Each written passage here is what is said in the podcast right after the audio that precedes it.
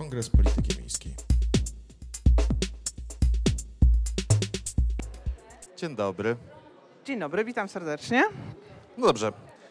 Kolejny odcinek e, z naszego, naszej relacji z Kongresu Polityki Miejskiej. Tym razem będziemy rozmawiali o mieszkalnictwie i dlatego naszym e, gościem jest Alina Muzioł-Węcławowicz, Politechnika Warszawska, ale także Obserwatorium Polityki e, Miejskiej Instytutu Rozwoju Miast i Regionów, tak? Polityka, Politechnika Warszawska już w odwrocie pracuje Ale tam tylko pracuje tam tylko na zlecenie, a mieszkalnictwo jak najbardziej oraz rewitalizacja.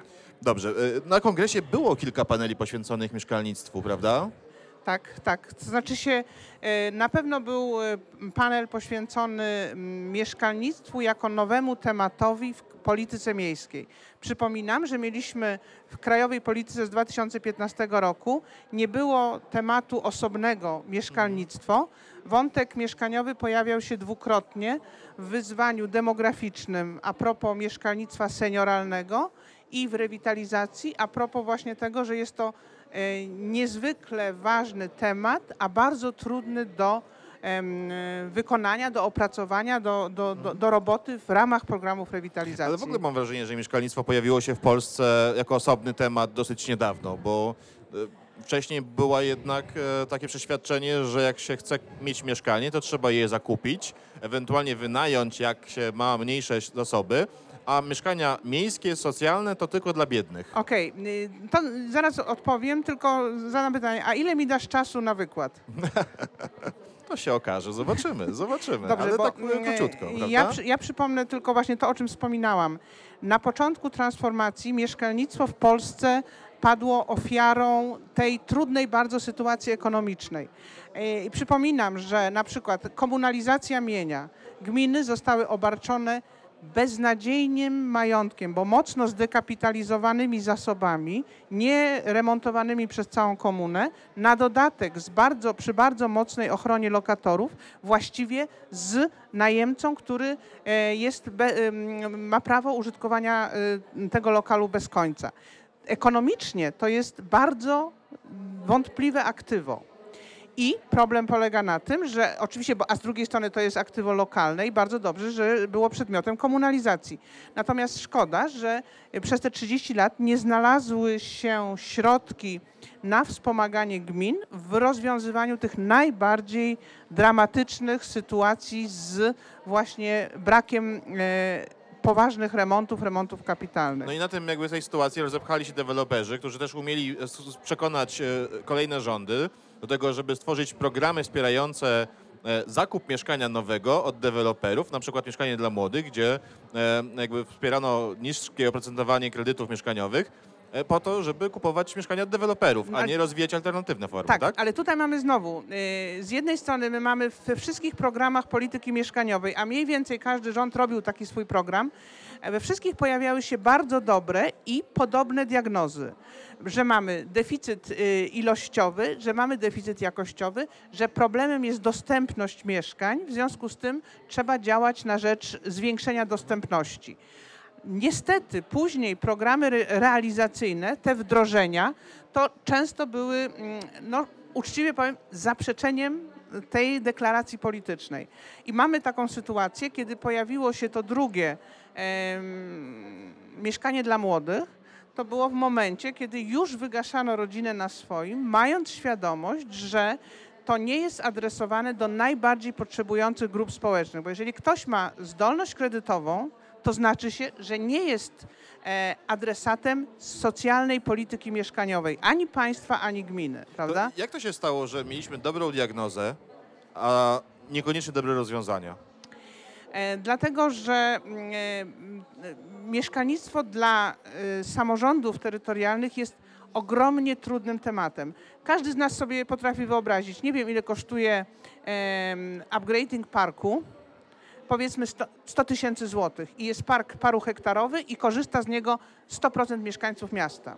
I masz mieszkanie, które kosztuje 300 tysięcy złotych i czasami jest zasiedlone jednym mieszkańcem. Więc naturalną tendencją, i nie można za to włodarzy miast em, oskarżać, jest jednak y, działanie na tych obszarach, w tych y, a, a zadań własnych mają ogromnie dużo, e, które dają większe przełożenie, że tak powiem, na efekty, mm, no, nazwijmy to popularnościowo-promocyjne. Tak. Ale sytuacja się zmienia, pojawiają się nowe wątki w mieszkalnictwie. Co Twoim zdaniem jest najbardziej obiecujące? Takie realne, możliwe do wprowadzenia? Też coś, co Polacy pokochają. Tutaj mm, myślę, że y, jest parę, parę wątków.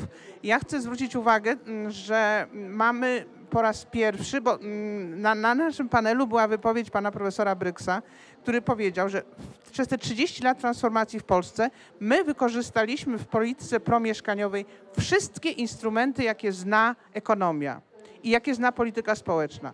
Y, Ulgi podatkowe w podatku y, dochodowym właścicieli, e, preferencyjne kredyty, dotacje.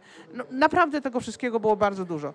Niestety mm, problem polegał na tym, że e, nie starczało woli politycznej i następowała bardzo szybka zamiana. Ja pamiętam e, argumenty dotyczące ulgi podatkowej. No ale przecież z tej ulgi korzystają najbogatsi. Albo no ale przecież ci ludzie remontują swoje mieszkania, a nikt nie dba o klatkę schodową. No hola, człowiek jest tylko człowiekiem i jasne, że najpierw robi to, co jest najbliższe jego koszuli, ale już im nie dano skorzystać z ulgi podatkowej na remont elewacji czy na klatkę schodową, bo ulgę zamknięto. Tak? I to był ten e, pech krótkotrwałości instrumentów, gdzie naprawdę nie było to, to, to, były tylko decyzje polityczne, bo nie było dowodu ekonomicznego, brakowało nam okresu obserwacji, jak taki instrument działa. Jasne, że najpierw e, do czegoś się wyrywa ten, kto ma jakiś, jakiś zapasowy kapitał, ale to nie znaczy, że babcia emerytka za 4 lata nie skorzystałaby z tej ulgi, prawda? No tylko jej też nie dano szansy. E, A co jest pozytywne, to to, że ten wątek najmu i mieszkań, potrzeby równoważenia naszego e, mieszkalnictwa na segment e, e, mieszkań wynajmowanych i mieszkań własnościowych i też już funkcjonuje od kilku rządów, jest podtrzymany obecnie i ma swoje realizacje. Jest na przykład, nie wiem, program społecznego budownictwa czynszowego, który obchodzi dwudziestolecie. 25 lat nawet. I to jest, jak na polskie standardy polityki mieszkaniowej, ewenement sam z siebie, że tyle przetrwali. I te towarzystwa działają, mają nieruchomości ponad 200 miastach, we wszystkich miastach największych, więc tutaj już mamy pewną. mm, I to jest na, na dodatek, powiem, że to jest nasz dość e, polski, taki mm, autorski pomysł, e, wzorowany na systemie francuskim, który się przyjął i trwa. Ale trwa jednak w mniejszej skali, bo w bardzo małej skali. I Nie. pytanie jest, dlaczego się nie chce rozrastać? To znaczy się y, rozrasta się, ale też mamy znowu e, sprawę innych nowych programów, które, e, które są na przykład bardzo intensywnie promowane. Mieszkanie Plus, to sensu stricte, tak? Tak.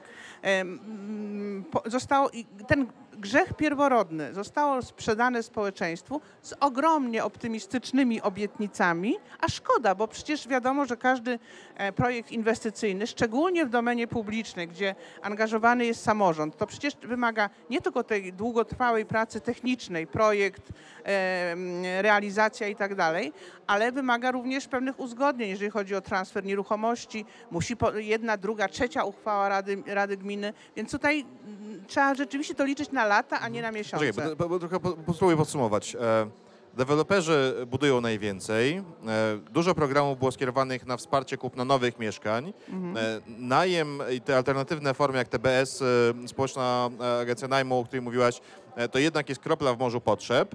Mamy Mieszkanie Plus, które trochę e, ob- obiecało znacznie więcej niż mogło dostarczyć w rzeczywistości. W związku z tym czujemy trochę rozczarowanie tym wszystkim.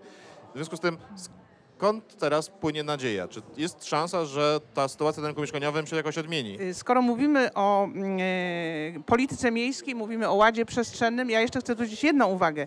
Proszę Państwa, to wcale nie jest tak, że e, od dawna deweloperzy dostarczają główną masę nieruchomości na rynku. Do jeszcze niedawna około pon, ponad 50% nowego budownictwa mieszkaniowego to było tak zwane indywidualne budownictwo mieszkaniowe, realizowane również w miastach. to też domy jednorodzinne. To są, no, tak, to, są, to są domy jednorodzinne, ale to jest właśnie problem tego samodzielnego budowania, budowania na swojej działce. To jest element ogromny suburbanizacji, jeszcze w granicach peryferii, na peryferyjnych częściach miasta, ale również pod miastem. I to był moment, kiedy źle się działo, jeżeli chodzi o ład przestrzenny w naszym kraju. Y, Ja nie pamiętam dokładnie w którym roku, to deweloperzy wzięli więcej niż 50% nowych realizacji. E, I mm, myślę, że oni ciągle są jeszcze w takim procesie dostosowywania się do rynku. Wystartowali w ogromnym, w ogromnym, e, że tak powiem, ogromnie korzystnym dla nich e, momencie, bo spadły drastycznie raty kredytów hipotecznych, czyli własność stała się dużo bardziej dostępna, a z kolei nie wiem skąd to się dzieje, ale my Polacy już przez wiele, wiele, od wielu lat, przez pokolenia, jakoś dziwnie potrafimy sami załatwić swój problem mieszkaniowy, więc a to babcia coś wyciśnie, a to coś i ludzie kupują te mieszkania, tak? Więc deweloperzy e, weszli bardzo ofensywnie na rynek. E, Teraz będziemy ich obserwować i patrzeć, kiedy wejdą we współ, właśnie w partnerstwo publiczno-prywatne, kiedy wejmą, wejdą w mm, e, rynek najmu instytucjonalnego, kiedy mm, będą Czy budowali... ja mam dobre wrażenie, że wszelkie realne nadzieje na rozwiązanie problemu mieszkaniowego e, pojawiają się w związku z deweloperami i ich jakby zmianą sposobu budowania? Nie, nie, nie, nie. Ja tylko mówię, że deweloperzy też zmieniają swoje No strategie. dobrze, ale właśnie próbuję dojść do takiego momentu, że powiesz mi na przykład, słuchaj, jest taka nowa forma e, e, na przykład najmu i ona będzie teraz rosła w popularność i na to warto się przyglądać i to powinna wspierać krajowa polityka miejska. Dobrze, to mm, powiem tak, że y, mniej więcej ekspercko jest ocenione, że jest około 30% e, społeczeństwa, których nie stać na własność mieszkaniową. Y, W niektórych analizach jest dużo większe procenty są podawane. Mało tego, my wiemy, że nawet przy rozwoju rynku najmu komercyjnego, quasi-komercyjnego, na przykład to Mieszkanie Plus, to zawsze zostaje w społeczeństwie to właśnie 20-30% ludzi, którzy muszą korzystać z sektora, dzisiaj my to nazywamy komunalnego, ewentualnie TBS-owskiego. I w rozwoju tego sektora ja widzę podstawowy, to, mm, podstawowy warunek tego, że em, mieszkania w Polsce będą dostępne. I myślisz, że ten sektor się rozwinie na tyle, żeby Em, odpowiedzieć na to zapotrzebowanie? Będzie się rozwijał. Y, Nie umiem powiedzieć, wie- czy w tempie, które na, na, raczej na pewno w tempie, które nas nie, nie zadowoli, ale y, sam fakt, że jest to stabilne, że miasta już teraz dużo mocniej wchodzą w realizację nowego budownictwa komunalnego, że nie tylko TBS, ale również inne spółki komunalne mogą korzystać z tych produktów polityki rządowej, preferencyjnego finansowania, to powoduje, że istnieje no, dobra perspektywa mm, e, wzmocnienia tej, nazwijmy to, społeczno-socjalnej nogi w systemie najmu. Dobra perspektywa, ale wciąż wiele znaków zapytania, tak coś oczywiście, czuję. oczywiście. E, czas na kropkę. Dobra. Alina Muzioł-Węcławowicz, e, Obserwatorium Polityki Miejskiej, specjalistka w temacie mieszkalnictwa, była moim Państwa gościem. Dziękuję bardzo za rozmowę. To ja serdecznie dziękuję.